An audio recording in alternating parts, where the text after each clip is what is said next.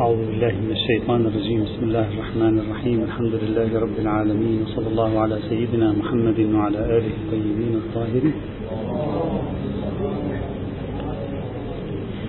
كنا نتحدث فيما يمكن تقديمه من تصور وخلاصة عما يتصل بدور الاستقراء في مجال الاجتهادات الشرعية. قلنا الدور الأول الذي يمكن أن يلعبه بالاستقراء في مجال الاجتهادات الشرعية هو عبارة عن دور التقعيد والتعميم خروج من مجموعة من الجزئيات للتوصل إلى قاعدة كلية. وتكلمنا بالأمس عن ذلك وذكرنا مجموعة من الأمثلة لكي آه، نحاول أن نقرب الموضوع إلى أذهاننا. سوف نضطر في كثير من المواضع أن نكثف من الأمثلة لسبب واحد وهو أن آه، مركز التحدي في هذه الموضوعات هو الأمثلة يعني الشعور بإمكانية تطبيق هذه الأفكار التي تطرح هنا وهناك. الجانب الثاني الذي يمكن للاستقراء أن ينشط فيه هو الاستقراء فيما أسميه دور الاستقراء في الاجتهاد التعليلي. الجانب الأول كان دور الاستقراء في الاجتهاد التقعيدي أو التعميمي والآن دور الاستقراء في الجانب التعليلي أو في الاجتهاد التعليلي. ولك أن توسع وتقول في الاجتهاد المقاصدي. قلنا سابقا بأن مشكلة الاستقراء في المجالات التعليلية هي مشكلة آه، ضعف القوة الاحتمالية في المفردات. ذكرنا هذا الكلام آه، بالأمس أو أول أمس. وقلنا أن نفس الانتقال من الحكم الموجود في المفردة المستقرأة نحو علتها هو انتقال آه، تخميني يعني قوته الاحتمالية ضعيفة. وكلما كانت المفردات قوتها الاحتمالية في نفسها ضعيفة احتجنا إلى عناصر إضافية لنرفع من مستوى القوة الاحتمالية في تركيب المفردات إلى بعضها. وصرنا بحاجة إلى عدد أكبر من الشواهد حتى نحل المشكلة. لكن توجد هنا نافذة لا بأس أن أشير إليها وسأذكر لها بعض الأمثلة. فقط لكي تتفتح أذهاننا على إمكانية أن يساعدنا الاستقراء بضم قاعدة أخرى في حل هذه المشكلة. إذا الأخوة يذكرون في العام الماضي تحدثنا عن آه، نظرية العلامة الشيخ محمد جواد مغنية في فهمه التعليلي والمقاصد للشريعة. وسردنا شواهد من آه، نصوصه وحللنا بعض أفكاره في هذا المجال. ثم توقفنا عند عنوان في أواخر العام الماضي قلنا لماذا أعجب السيد محمد باقر الصدر بمحاولة الشيخ محمد جواد مغنية كيف تعامل معها وعبر عنها بالفهم الاجتماعي للنص. في تلك المحاولة التي ذكرها أو في تلك المقالة التي نشرت في الستينيات من القرن الماضي من قبل السيد باقر الصدر في تلك المقالة حاول السيد الصدر أن يفلسف إمكانية التعدي عن النص في مجال المعاملات دون مجال العبادات إذا الإخوة يذكرون. قال الفرق بين العبادات والمعاملات أن العبادات البشر ليس عندهم تجربة مسبقة فيها. وبالتالي كل شيء يقوله المولى يحتملون أنه ممكن أن يكون محدود في دائرته. أن ليس عندهم تصور مسبق عن نظام عبادي. ما عندهم شيء اسمه نظام عبادي في حياتهم اليومية بما هم عقلاء. ولذلك أي شيء يقوله المولى يقول محتمل يكون هذا هو فقط. لا أستطيع أن أعمم لا أستطيع أن ألغي الخصوصية لا أستطيع أن أتعدى لا أستطيع أن أذهب آه، أخذ النص على نحو الطريقية. إنما في المعاملات العقلاء أمره يدهم مبسوطة أكثر لماذا؟ لأن المعاملات هي جزء من تجربتهم منذ أن وجدوا على هذه الأرض ولديهم تراكم آلاف السنين من نمط المعاملات والعلاقات الإنسانية الإنسانية وعلاقات الإنسان مع الطبيعة ومع الحيوان وشؤون التجارات والأحوال الشخصية والعقوبات وما شابه ذلك لذلك قال لديهم رصيد العقلاء في مجال الحياة الاجتماعية. فإذا جاءهم نص ديني يرتبط بأمور متعلقة بالاجتماع يرتبط بأمور متعلقة بالسياسة يرتبط بأمور متعلقة بنمط العلاقات فيما بينهم يمكنهم أن يفهموا هذا النص وفق خبرتهم. وبالتالي يمكنهم أن يطبقوا أكثر قاعدة مناسبات الحكم والموضوع بحسب تعبير السيد الشهيد الصدر هناك إذا تذكرون. وقد حاول الصدر أن يجعل الخطوات التي قام بها الشيخ مغنية مندرجة ضمن قاعدة مناسبات الحكم والموضوع ونحن هناك قلنا صحيح أن الشيخ مغنية استخدم مناسبات الحكم والموضوع لكن جهوده لا يمكن أن تفسر فقط على معيارية مناسبات الحكم والموضوع ثمة شيء آخر عنده يتخطى معيارية مناسبات الحكم والموضوع بالمصطلح الأصولي والفقهي له. هذه نقطة. نقطة ثانية. إذا تذكرون أيضا عندما تكلمنا في العام الماضي عن عن الطوفي صاحب النظرية تقدم المصلحة على النص تحدثنا عن نظريته الطوفي فصل بين مو... بين ح... بين آه، نطاقين تشريعيين. النطاق الأول هو نطاق العبادات والمقدرات الشرعية وقال هذه ليس لنا سبيل فيها ولا ينبغي أن نقدم فيها المصلحة على النص والنطاق الثاني في الشريعة كل ما ليس من العبادات والمقدرات الشرعية. ما معنى مقدرات شرعية؟ مثل كفارات. الشرع يعطي مقدرات معينة. يقول كذا يوم كذا مب... كذا رقم معين. هذه مقدرات شرعية. فيقول في غير العبادات والمقدرات الشرعية العقل الإنساني لديه قدرة الفهم. يفهم السبب من الحكم يفهم العلة من الحكم يفهم ما الفلسفة من الموضوع وماذا يريد المتكلم. يده مبسوطة. أما في المقدرات الشرعية والقضايا المتصلة بالعبادات يده ليست مبسوطة. هذا التمييز الذي وضعه الطوفي لم يفلسفه. السيد محمد باقر الصدر فلسفه وهو يشرح الفهم الاجتماعي للنص عند الشيخ محمد جواد مغنية إذا أريد أن أذكركم بفكرتين سبق أن تعرضنا لهما بالتفصيل في العام الماضي. فكرة الطوفي في التمييز بين المقدرات الشرعية والعبادات من جهة وغير المقدرات الشرعية وغير العبادات من جهة ثانية. وفكرة السيد باقر الصدر في إمكانية أن العقلاء لديهم وعي اجتماعي في القضايا المتصلة بغير العبادات فيمكنهم أن يفهموها بإطار مناسبات الحكم والموضوع. يقيدوا يوسعوا يضيقوا يعمموا يجعلوها نحو الطريقية. مجال مناسبات الحكم والموضوع عندهم أكثر سهولة من العبادات لأنه ليس عندهم تجربة مسبقة فيها فلم يتشكل عندهم وعي بها. حتى إذا جاءت النصوص أدخلوا هذه النصوص ضمن وعيهم وفهموها ضمن الوعي الخبروي الذي يملكونه من قبل. هذان الأمران هاتان الفكرتان فكرة الطوفي في القرن السابع والثامن للهجرة وفكرة السيد محمد باقر الصدر في القرن الرابع عشر للهجرة. هاتان الفكرتان إذا ضممناهما إلى بعضهما يمكننا أن ندخل إلى قضية إمكان التعميم إمكان التعليل بالاستقراء في القضايا التي هي خارج إطار على الأقل الآن على الأقل تنزلا أقول على الأقل خارج إطار العبادات والمقدرات الشرعية. يعني يمكن أن نستعين هنا بتقوية الاحتمال المفردة. إحنا كان مشكلتنا في الاستقراءات التعليلية أن المفردات فيها احتمالها ضعيف. الآن نريد أن نقوي قوة الاحتمال في المفردة. نقوي الاحتمال في المفردة المستقرأة حتى نصل أسرع إلى إمكانية التعليل بالاستقراء بنحو الاطمئنان والوثوق وإن لم نصل بنحو القطع واليقين. حاصل الفكرة التي أريد أن أدعيها هنا هي أن التشريعات الدينية في غير المجالات المبهمة بطبعها عند العقلاء. ثمة مجالات عند العقلاء هي مبهمة. الآن أنت طبق ما أريد أن أقول ما هي المجالات المبهمة. أنت تقول عبادات. أنا أقول ليس كل العبادات. بعدين سيأتي نتكلم عن هذا. حتى بعض العبادات يفهمها الإنسان. بطبعه العقلاء وبوعيه الاجتماعي أيضا يفهمه. بعض العبادات بعض تفاصيل العبادات يمكنه أن يفهم لكن خلينا نقول اترك العبادات مثلا إلى حد معين اترك إلى حد ما مثلا بعض المقدرات الشرعية بحسب تعبير الإمام الطوفي. العقلاء في الأشياء التي هي ليست مبهمة بطبيعتها يعني هم يدركون يفهمونها بطبيعتها. لديهم خبرة بها لديهم وعي مسبق بها. إذا تلقوا النصوص من المتكلم مباشرة يرتفع عندهم احتمال أن نكتة نكتة التي جعلته يقول ذلك ما هي؟ لماذا؟ لنفس السبب الذي قاله الطوفي أو أشار إليه الطوفي وصرح به السيد الشهيد محمد باقر الصدر.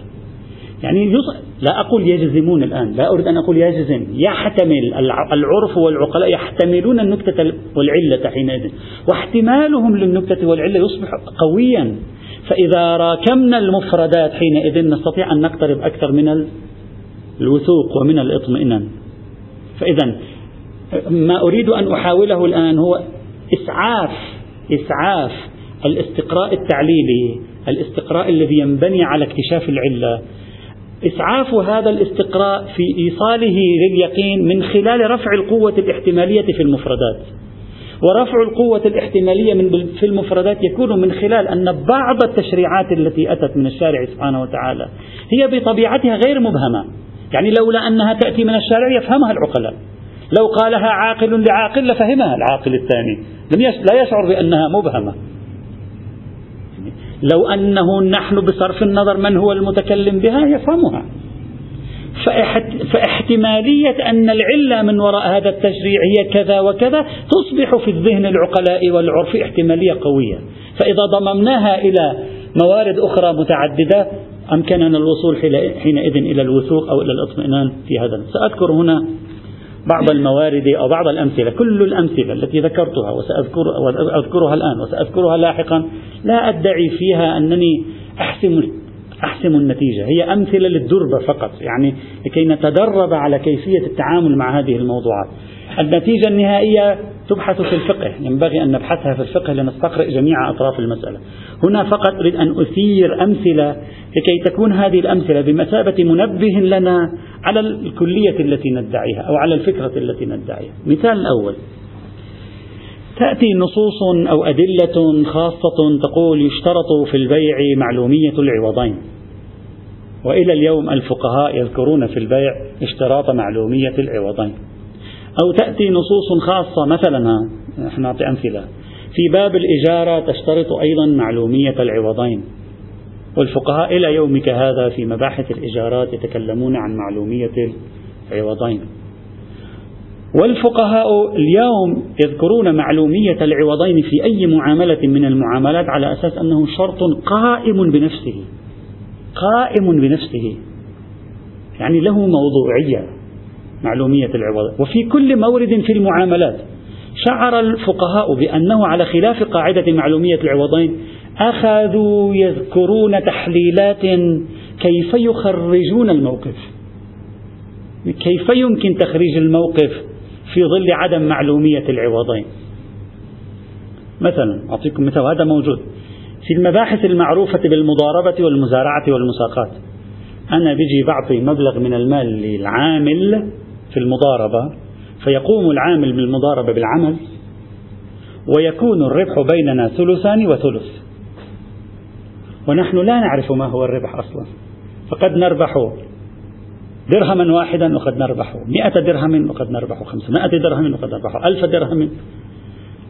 أخذ العلماء هنا يبحثون في كيفية التوفيق بين مثل هذه الموارد وقاعدة المعلومية. قالوا هذا العوضين ما معلومين. يعني ما معلوم أنا ماذا أجني من وراء هذه المعاملة؟ لا أدري. أنت أيضا العامل لا تعرف كم تجني من وراء هذه المعاملة. لا تدري. فأخذوا. هناك بحوث متصلة بالمضاربة والمزارعة والمساقات في كيفية تخريج هذه المعاملات دون أن يلزم منها خرق قاعدة معلومية العوضين بمعنى من المعاني. طبعا عندهم تخريجات متعددة في هذا الإطار.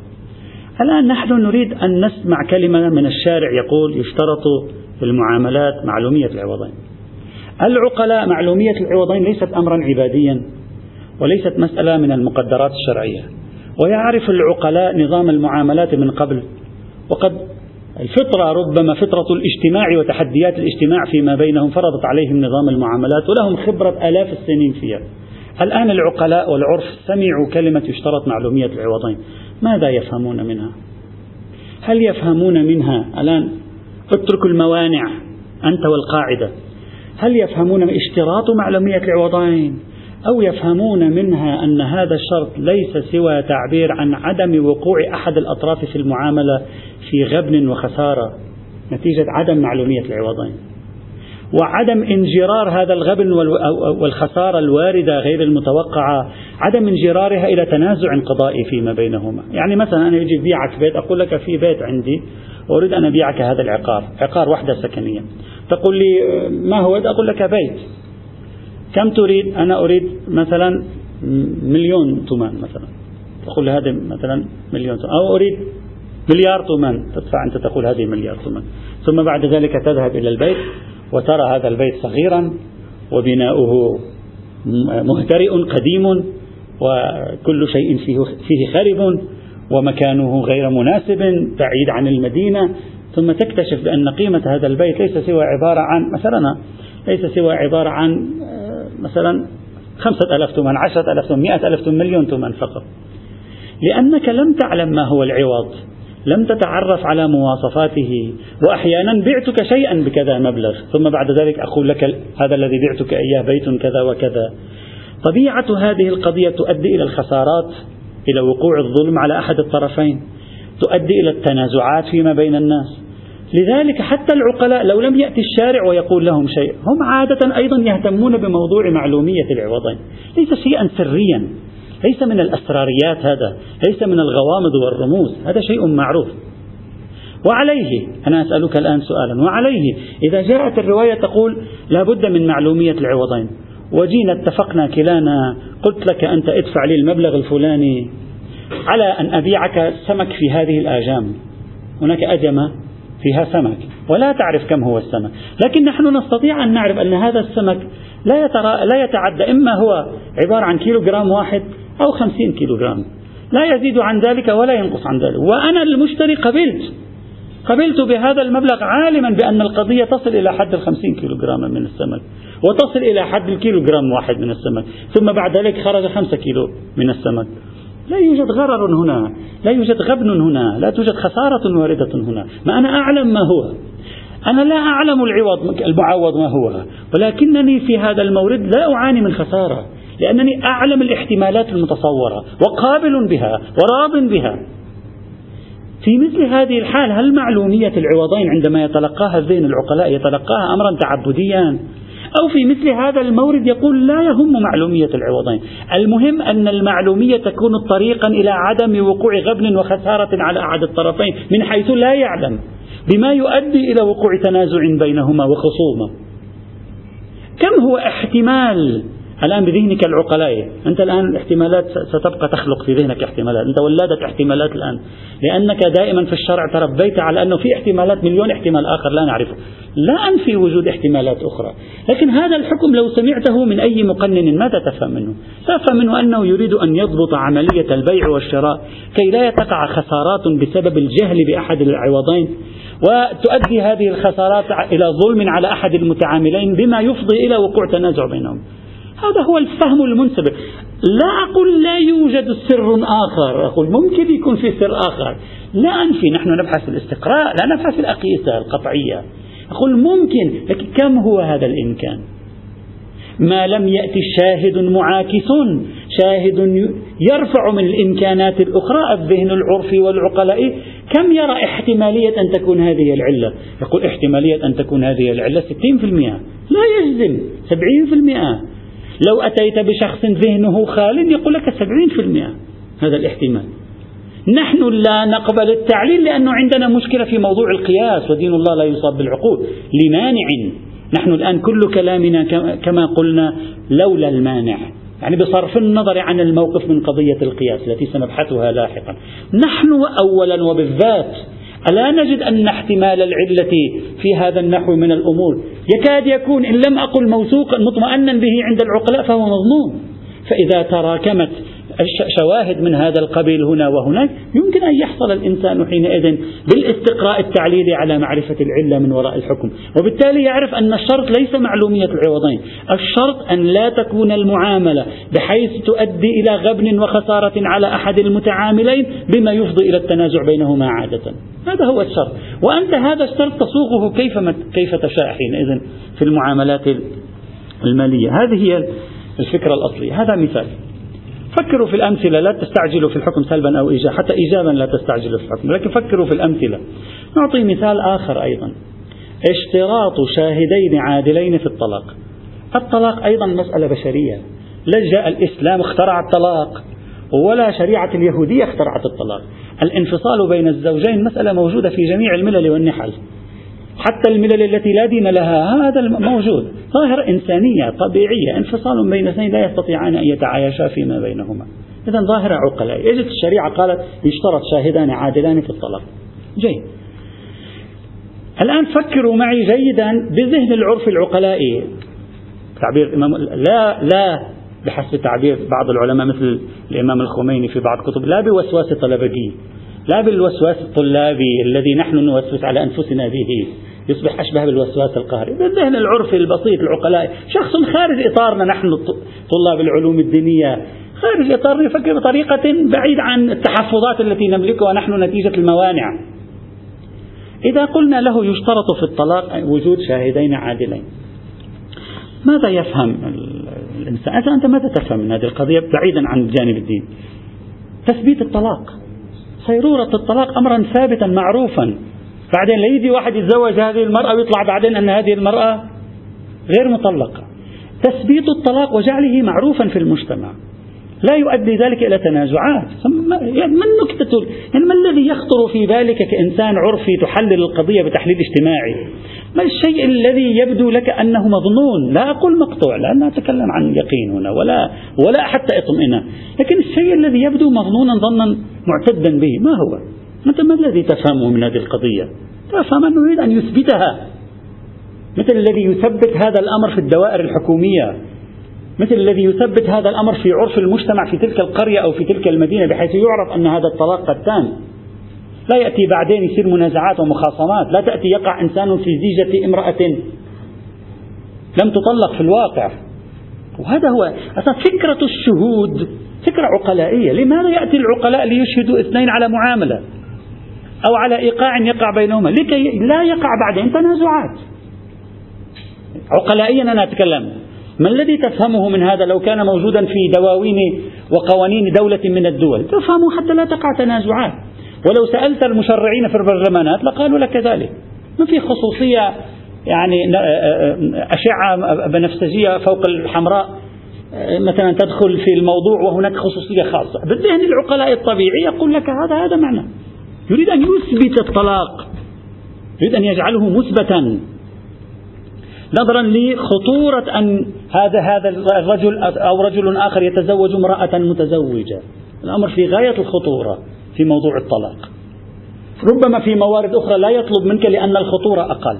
لكن هذا يدل أنه في موضوع الطلاق ثمة خطورة تستدعي أن يكون هذا الأمر مثبتا وليس آه، يعني مطلقا. طيب أنا أسألك الآن سؤالا. لو جئت جاء شخص وأمام عشرة آلاف شخص غير عادل. أنت تقول شاهدين عادلين. أنت تشترط في الفقه شاهدين عادلين. وأمام عشرة آلاف شخص من غير العدول. ثم أعلن طلاق زوجته أمامهم. تقول له طلاق غير صحيح مثلا وباطل هذا الطلاق. لماذا؟ لأنه اثنين عدول ما فيه. في واحد عادل بين العشرة آلاف وتسعة آلاف وتسعمائة وتسعة وتسعين كلهم غير عدول. هنا في مثل هذه الحال ما الذي يفهمه العرف والعقلاء بحكم تجربتهم في قضايا الاستشهاد على المعاملات والاتفاقات؟ يفهمون أن هذه المعاملة أو هذا الإيقاع قد تم التوثق منه بواسطة إعلانه أمام الملأ ولم يعد محل الريب في أن هذه المرأة قد طلقت من زوجتها. أنت الفقه الآن يقول لا لو خمسين ألف واحد أعلن الطلاق لا يكفي. لابد أن يكون اثنين شهود عدول. لو اثنين شهود عدول لوحدهم كافي خمسين ألف غير عدول لا يكفي. حتى لو أعلنه بكل وسائل الإعلام التي تثبت. السؤال الآن لو أطلق هذا العنوان في النصوص الشرعية وتلقاه الذهن العقلاء بدون أي تحفظات ما الذي يفهمه لماذا نقول لا يقدر على الظن بالعلة على الظن. ويقدر على الظن بالعلة يستطيع الإنسان أن يتأمل. أنا لا أقول لك أسرع إلى الظن بالعلة بمجرد التفاتة لا حاول دراسة حيثيات الموضوع. وبعد الفحص والتحليل الاجتماعي تقول العقلاء يفهمون العلة على هذه الشاكلة. بعد أكثر من ذلك الآن بعض الفقهاء موجود إذا اثنين شهود عودوا جئنا بهم تم إجراء الطلاق بحضورهم. ذهب الرجل إلى بيته ذهبت المرأة إلى بيتها. بعد عشر سنوات بعد خمس سنوات هذه المرأة تزوجت. وذاك الرجل هم راح تزوج. بعد خمسة عشر سنة بعد عشرين سنة تم إثبات أن أحد الرجلين حين الطلاق لم يكن عادل واقعا. بعض الفقهاء يقول لك بطل الطلاق. لأنه هذا الطلاق اعتبروا وجود شاهدين عادلين في يعني ثابتت عدالتهما واقعا اعتبروا وجودهما قيد مستقل قائم بنفسه. في حين هذا الطلاق أظن صار بديهي متفق عليه. وتخطى دائرة الإثبات القضائي وتخطى دائرة الإثبات في دوائر الرسمية وفي, وفي الدائرة الاجتماعية أيضا. مع ذلك بعض الفقهاء يتحفظ. يقول إذا ثبت بعد عشرين سنة أن أحد الرجلين كذا وكذا لذلك في بعض مجالس الطلاق ماذا يقولون لهم؟ يقولون من كان عليه ذنب فليستغفر الله. حتى إذا واحد احتمال كذا بعدين نقول استغفر الله فإذا الآن هو بعدين طلع من هنا صار فاسق براحته. من باب الاحتياط. فهو احتياط في محله. على الفتوى هذه طبعا هذا الاحتياط مطلوب. حتى لا يقع بعدين بعد عشرين سنة يتبين والله واحد من هؤلاء الحضار كان آه، لم يكن عادلا واقعا راح الطلاق. والزيجة الثانية باطلة وإذا عنده أسرة هم راحت الأسرة عليه. لابد أن ينفصلوا أيضا الزوجين جديدا إذا لماذا لا أستطيع بالذهن العرفي البسيط أن أقول حيث إن العقلاء لديهم تجربة هذه الأمور لا يفهمون من اشتراط شاهدين عادلين إلا أن هذه القضية تصبح ثابتة وأي تنازع قضائي يمكنه أن يحسمها مع وجود هذين الشاهدين إلى آخره. هكذا. شريعة لم ترد أن من الإنسان أن تتشدد عليه. أقل شيء شاهدين عادلين بحيث يكون موثوق فيهما في هذا الإطار. هذا مثلا مثال ثاني مثال ثالث وأخير. مواراة الميت الدفن. الآن كل الفقه الإسلامي قائم على أنه إذا أنت تريد آه، إذا توفي شخص وين تخليه في باطن الأرض يجب أن يبقى. إذا خليته أنا في داخل آه، حجر حجر ضخم فوق الأرض بحيث أجزم مليون في هذا تعبير سيد الخوي أجزم إلى يوم القيامة لن يخرج منه. هذا تعبير سيد الخوي هذا ليس تعبير. يقول لا يكفي. بل لا بد أن يكون تحت الأرض بحيث لا تخرج رائحته ولا تصل إليه السباع. ويذكرون هذين القيدين عادة. لا يتأذى الناس من رائحة لا تخرج رائحته ولا تصل إليه السباع يعني لا إذا حفرت السباع لا تستطيع أن تصل إليه. هذا موجود إلى الآن. ولا لا يسمحون بأي شكل من الأشكال بأي وسيلة غير باطن الأرض. أنا لا أريد الآن أن أطرح بعضهم بعض الذين ينتقدون الفقه الإسلامي يقولون دفنه في باطن الأرض فيه مشاكل بيئية وفيه كذا. الآن بعضهم يتكلم عن الشريعة.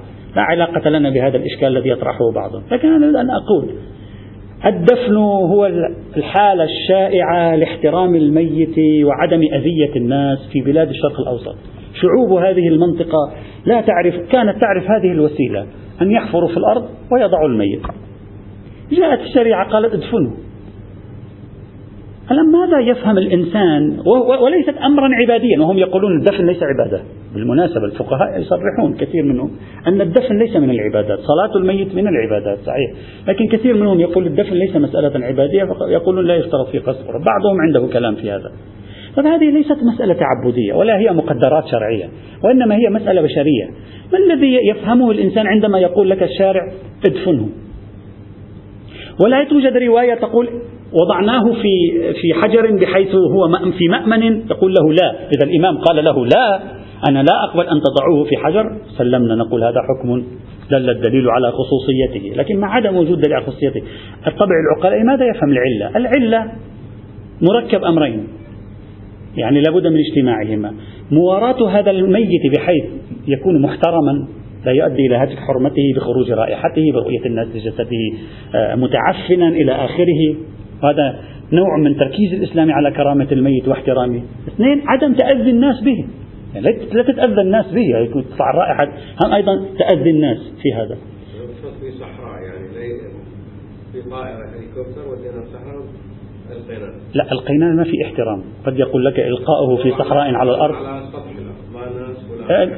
إذا إذا إذا إذا اثنين هم يقولون هذا أصلا في في البحر قالوا أيضا في موارد الضرورة ترمي وبعضهم قال لا بد من جرة وبعضهم قال لا يحتاج إلى جرار تضعه في جرة حتى لو تربط رجله بشيء حديدي ثقيل ثم ترميه بحيث ينزل إلى الباطن قالوا يجوز طبعا عند الضرورة قالوا يجوز ما أريد أن أدعي أن الإنسان إذا تلقى هذه الفكرة يحصل له ظن بالعلة. يعني التعليل ليس أمرا قيمة المفردة فيه قيمة ضعيفة. التعليل هو عبارة عن أمر قيمة المفردة قوية فيه.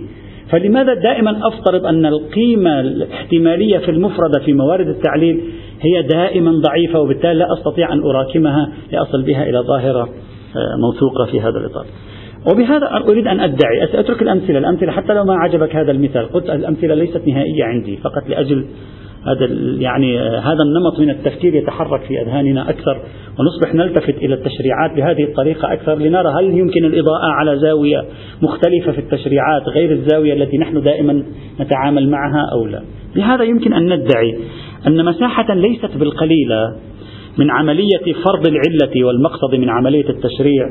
يمكن أن لا تشكل عملية تأويلية. أنا لا أتأول لا أستنتج استنتاجا. أنا أفهم ذلك بالفهم العرفي لتركيبة النص بحيث العرف يقول هذا يريد ذلك. يعني هذا يريد منا في الحقيقة هذا.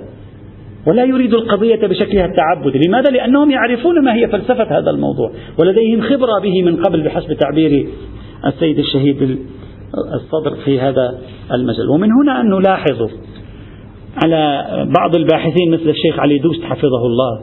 الشيخ علي دوست يقول أنا لا أقبل بالاستقراء. الشيخ علي دوست فقط بحث الاستقراء في صفحة ونصف. يعني لم يهتم به كثيرا. قال أنا لا أقبل الاستقراء نكتة عدم قبوله الاستقراء أن الشريعة عالمية خالدة كلية. قال الشريعة العالمية الخالدة الكلية تبين قوانينها عبر جمل كلية. هذه مصادرة قدمها. لابد تبين قوانين على طريقة الجمل الكلية. لا تبين قواعدها الكلية عبر موارد جزئية. وبالتالي الشريعة ليست مبنية على التتبع الاستقرائي لا يمكن اجتهاد فيها على التتبع الاستقرائي. وهذا منه حفظه الله تعالى في تقديري تأثرا بلغة القانون التي تطورت فيما بعد أو التي كانت في ذلك الزمان خارج نطاق العالم العالم العربي الجزيرة العربية. وما أبعد ما بين كلام الشيخ علي دوس وكلام السيد السيستاني الذي يقول اللغة العربية السيد السيستاني يقول اللغة العربية سنخ لغة ليس فيها غزارة في المفردات القانونية يعني ليس عندها وفرة في البيان القانوني. فهي يعني ضيقة الخناق وهي تبين القوانين. كلام السيد السيستاني ينسجم مع تبيين الكليات عبر الجزئيات. أما كلام الشيخ علي دوس يريد الشريعة أن تكون كلية مع أن استقراء النصوص الشرائع عادة الشرائع السماوية يعطيك تأكيدا أنها ليست مبنية على هذه الطريقة أصلا. لو كانت الشرائع مبنية على هذه الكليات التقعيديات لوجدنا الفقه في القرآن الكريم مرتب منظم مذكورة الكليات فيه ثم مذكورة الاستثناءات والتخصيصات ثم مبين الموارد الخاصة.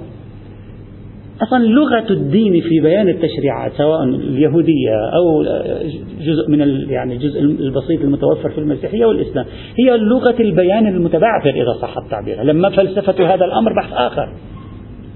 ما فلسفة هذا الأمر بحث آخر. لو كانت القضية كما يقول الشيخ علي دوس رأينا القرآن رأينا السنة النبوية تقول مثلا القواعد الكلية هي هكذا ثم هذه القواعد لها استثناءات وهذه الاستثناءات واحد اثنين ثلاثة وهذه هي الشروط. رأيناها شبيهة بالرسائل العملية. في حين لم نرى طرائق البيان على هذه لماذا لا أدري؟ هذه فلسفة البيان اللسان الديني الخطاب الديني في الديانات عادة هو هكذا. إشارات عادة أمثلة هذا في اليهودية والمسيحية والإسلام. أما إذا تروح خارج الإسلام واليهودية والمسيحية تجد أعمق من ذلك. في البوذية في الهندوسية اللغة الدينية إشارية أكثر. تعطي مثال. أنت روح خذ الأمثلة. تقرأ الإنجيل. عيسى عليه السلام في الإنجيل. عشرات الموارد يعطي أمثلة. يستخدم أسلوب الأمثلة. ما يستخدم أسلوب القاعدة. يعطي القاعدة بالمثال. هذه هذه اللغة الدينية. وليست اللغة الدينية لغة الكليات فأن أقول الشريعة تبين أمرا كليا من خلال ثلاث أربع موارد جزئية بواسطة فهم العرف العادي. لا فهم العرف القانوني التخصصي. ليس أمرا عيبا بل هذا هو الذي رأيناه عبر التاريخ. ولذلك المفسرون حاروا ووقعوا في حيث وبيت كيف يجعلون السور القرآنية منظمة. وجاء التفسير البنائي الذي تبناه الدكتور البستاني وأمثاله مثلا.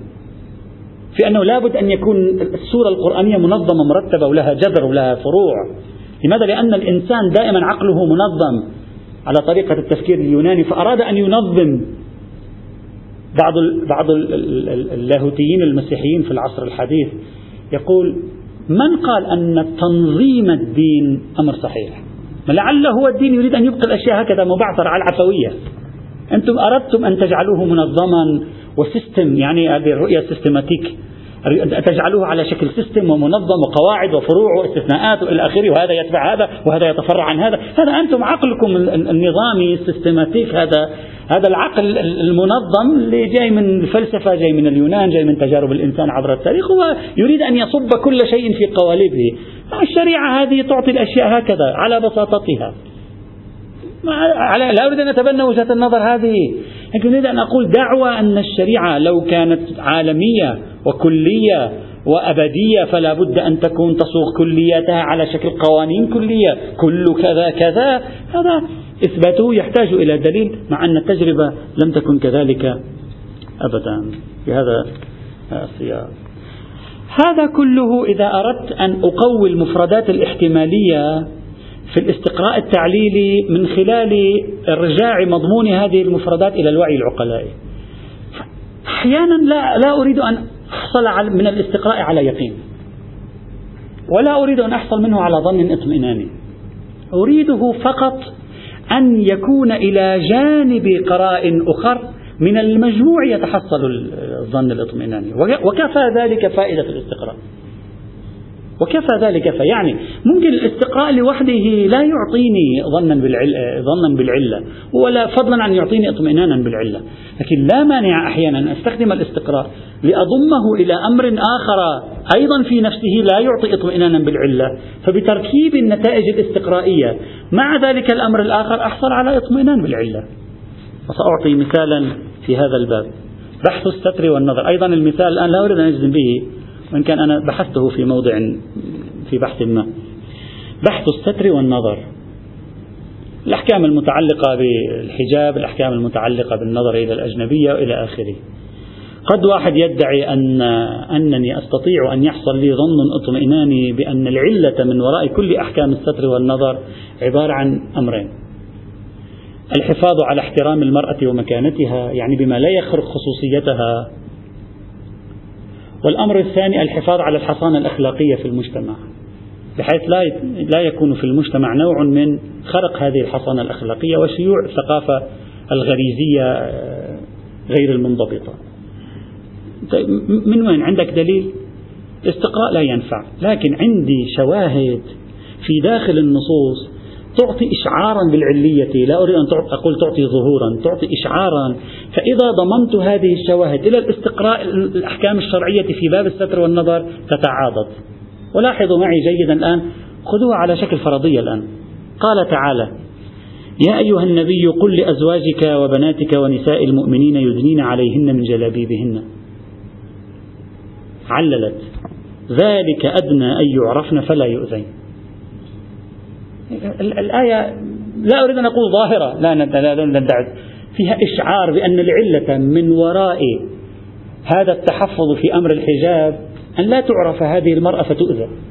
هلا ما معنى يعرفن فلا يؤذين يوجد خلاف بين المفسرين في هذا الموضوع؟ يعني يعرفن بأنهن حرائر فلا يؤذين إلى آخره بحث آخر. لكن واضح أن الآية القرآنية الكريمة تريد أن تبين نوعا من التعليل. دعني أقول فيها إشعار بالتعليل. الحكم من وراء التحفظ في الحجاب هو أن لا تكون المرأة في معرض أن تتعرض للأذية. اعتبر ذلك إشعارا تعليليا. خلي في بالك. نجي إلى رواية أخرى تقول وهي خبر السكوني عن أبي عبد الله عليه السلام قال قال رسول الله صلى الله عليه وعلى آله وسلم لا حرمة لنساء أهل الذمة. أن ينظر إلى شعورهن وأيديهن. أيضا فيها إشعار بأن النظر إلى الشعور وإلى الأيدي نكتته أنه إذا له حرمة أو ليس له حرمة. فالمرأة المسلمة لأن لها حرمة لا ينظر إلى شعرها ويديها. والمرأة الذمية لأنه لا حرمة لها ينظر إلى شعرها. فلذلك قال لا حرمة لها فينظر إلى شعرها. لا أقول ظاهرة في التعليل مشعرة بالتعليل. لا قلنا بعض الروايات فيها إشعار بتعليل هنا وبعض الروايات فيها إشعار بتعليل هنا. هذا إشعار آخر إشعار. الآن أنت تعال معي إلى تتبع الموارد الاستقرائية في أحكام الستر والنظر. يعني جيب باب الستر والنظر كله ابدأ استقرئ فيه وجمع المعطيات إلى بعضها لتفهم ما الفلسفة من وراء أصل الفكرة في الموضوع. إذا أردنا أن نستخدم الاستقراء لاحظوا المفردة الأولى. القرآن الكريم يقول في مستثنيات الكشف ولا يبدين زينتهن إلا لبعولتهن إلى أن قال أو التابعين غير أولي الإربة من الرجال. ما معنى غير أولي الإربة؟ يعني الرجال الذين لا إربة لهم في النساء. يعني ليس لهم, لهم رغبة في النساء. يعني مثل الرجل المخصي. وهم مثلوا قالوا المراد منه الخصيان. العبيد أو الذين كانوا يخصون كانت موجودة هذه في بعض الأماكن. فكان يؤمن منهم يؤمن على النساء منهم. فقال غير أولي الإربة قال هذا ما في مشكلة ينظر إلى شعر المرأة. هذا زينة المرأة ما في مشكلة. الأحكام المرتبطة بوجوب الستر والحجاب لا تشمل هذا الإنسان. ماذا تفهم أنت من هذا الاستثناء؟ الآن هذا استقراء ليس فيه إشارة تعليلية لكن استقراء. ضمه إلى ما قرأناه في النقطة الأولى والثانية. أنت ماذا, ماذا يترجح في ذهنك؟ أن النكتة أن لا تكون هذه المرأة في معرض هتك خصوصيتها بنظر الرجل إليها نظرا غريزيا. كمل الآية؟ أو الطفل. طيب كان كان بإمكانه أن يقول أو الطفل. أو التابعين أو الطفل. لكنه قيد بقيد مشعر بالعلية. تابعين قيده بغير أولي الإربة من الرجال. طفل قيده الذين ليس قيده يعني بين خصوصيته الذين لم يظهروا على عورات النساء. ما معنى لم يظهروا يعني ليس له غلبة على عورة المرأة كناية عن عدم قدرته على المجامعة. لأنه طفل بعد لم ينضج جنسيا حتى يتمكن من ممارسة ذلك الفعل. الآن أنت عندك حكم استثناء الطفل وعندك حكم استثناء التابعين. وهذا ذكر له وصف وهذا ذكر له وصف. الآن أنت بتتبع هذا المورد الثالث ألا يزداد عندك احتمال أن القضية مرتبطة بأن لا ينظر إليها حماية لها من الاعتداء الغريزي عليها بشكل من أشكال الاعتداء وحفظا لخصوصيتها يعني الجانب الغريزي والجانب حفظ الكرامة والحرمة. هذا بدأ الاحتمال يزيد. لما أنا أمارس مثل هذه الاستقراءات تبدأ الاحتمالات تزيد في مثل هذا انظر معي أيضا إلى استثناء قرآني آخر. قال تعالى والقواعد من النساء اللاتي لا يرجون نكاحا. المرأة التي هي ابن العجوز الكبيرة التي بعد لا يؤمل في أن أن لا ترجو نكاحا. خلاص هذه عبر الزمن بها وانتهى يعني اكسباير انتهت خلصت بعد وضعها. سمح القرآن قال فليس عليهن جناح أن يضعن ثيابهن. فبأس تضع ثيابها تكشف أمام الرجال. لكن قال لا تسوي شيء يعوض عن وضع عن حالتها المهترئة غير متبرجات بزينة. لأن إذا تبرجت بزينة ممكن الزينة تعوض عن اهترائها فتجدد نشاط الناظر إليها فينظر إليها بنظرة غريزية. فتريد أن تحفظها ولا تشيع النظرة الغريزية في المجتمع تجاه النساء. هذا أيضا يتع... وإلا ما هم يعني أن تضم هذه إلى بعضها كل واحدة منها قرينة احتمالية بتعبير السيد الصدر قرينة إثبات ناقصة ضمها إلى بعضها يزداد هذا الاحتمال في الذهن. فليس عليهن جناح أن يضعن ثيابهن غير متبرجات بزين كذلك أعطي أيضا إضافة هذه الإضافة استقرائية هم أيضا تعزز هذا الاحتمال وإن كان فيها إشعار أيضا في بالعلة. الرواية المروية عن ابن أبي عمير عن غير واحد عن أبي عبد الله عليه السلام قال النظر إلى عورة من ليس بمسلم مثل نظرك أو مثل نظرك إلى عورة الحمار. وفي رواية الصدوق مرسلا قال وروي عن الصادق عليه عن الصادق عليه السلام أنه قال إنما كره أو أكره على النسختين. النظر إلى عورة المسلم فأما النظر إلى عورة من ليس بمسلم مثل النظر إلى عورة الحمار. يعني يجوز. ماذا تفهم أنت من هذه؟ خاصة بتعبير الحمار. تفهم أنه لا حرمة له. كما ينظر الإنسان إلى إلى إلى إلى الحيوان الذي لا حرمة له حتى لا ننظر إلى عورته. يزداد احتمال أن النكتة التي هي خلف هذه التشريعات العلة التي هي خلف هذه التشريعات بتراكم الاحتمالات في الشواهد المتعددة تزداد أن النكتة هي عبارة عن الحماية حماية المرأة من جهة ثانيا الأمر الغريزي. حرمة الإنسان المسلم من جهة ثانيا عدم شيوع الأمر الغريزي في مثل هذا في مثل هذه الموارد. طيب. هل إذا شخص دعا قال أنا جمعت تمام هذه ومنه يعلم أيضا ومنه يعلم أيضا جواز النظر إلى الصغيرة فإن الصغيرة عادة ليست من الموارد التي ينظر إليها بطريقة آه، خاصة.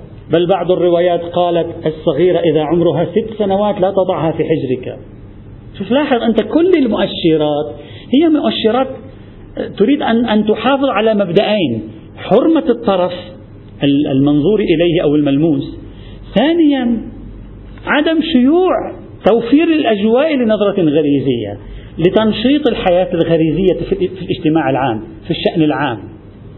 إذا جاء فقيه وقال أنا بضم هذه الموارد المشعرة بالتعليل إلى الموارد المستقرأة في أطراف أبواب الستر والنظر إلى بعضها بعضا خرجت بمثل هذه هذا التعميم الكلي. هذه هي العلة التي على أساسها الشريعة فعلت ذلك وعليها مدار الأمور يمكن أن يقول لك أنا ممكن أن يحصل لي ظن اطمئناني بتجميع إشعارات العلة إشعارات العلة لا ظهورات العلة إشعارات العلة مع طبيعة الأحكام المبعثرة في الفروع المتعددة في باب الستر والنظر في مثل هذا المجال. وعليه قد شخص يقول أقول نحن كما قلت هذه أمثلة.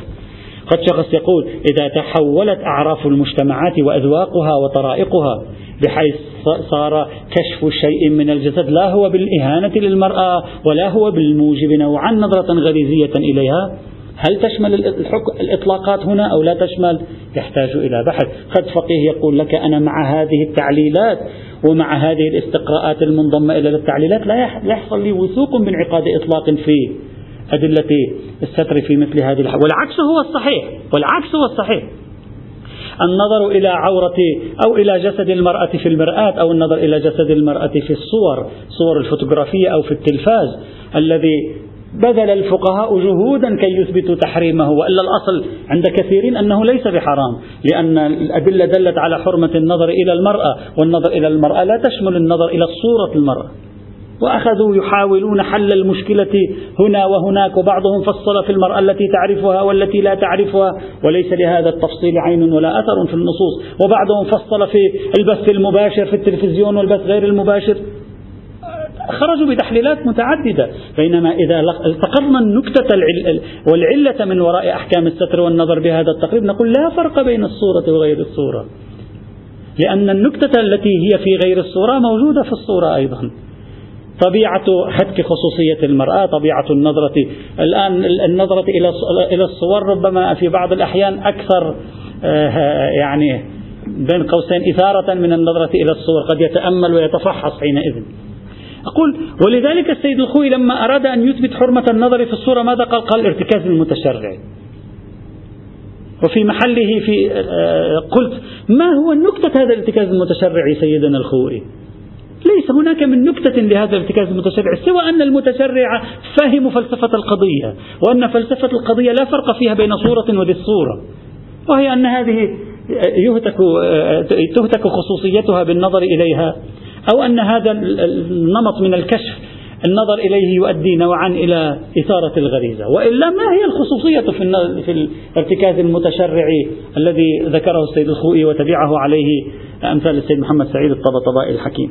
إذا ما أريد أن أدعي أن الاستقراء في بعض الحالات قد لا يكون لوحده منتجا لكن وجود إشعارات تعليلية في ألسنة الآيات والروايات يمكن أن يضم إلى استقراء الأحكام المختلفة في الموارد المختلفة في الباب. يتراكم الاثنان معا.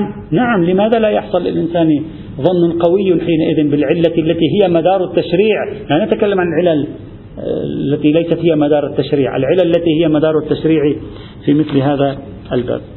إذا هذه فائدة أيضا للاستقراء يمكن البناء عليها ولو لم تكن لم يكن الاستقراء مستقلا في إفادة التعليلات بصرف النظر عن طبيعة الأمثلة التي يمكن للإنسان أن يناقش في هذا المثال أو ذاك المثال يأتي الباقي إن شاء الله تعالى والحمد لله رب العالمين اگه اینجوری مثلا گفتیم بعد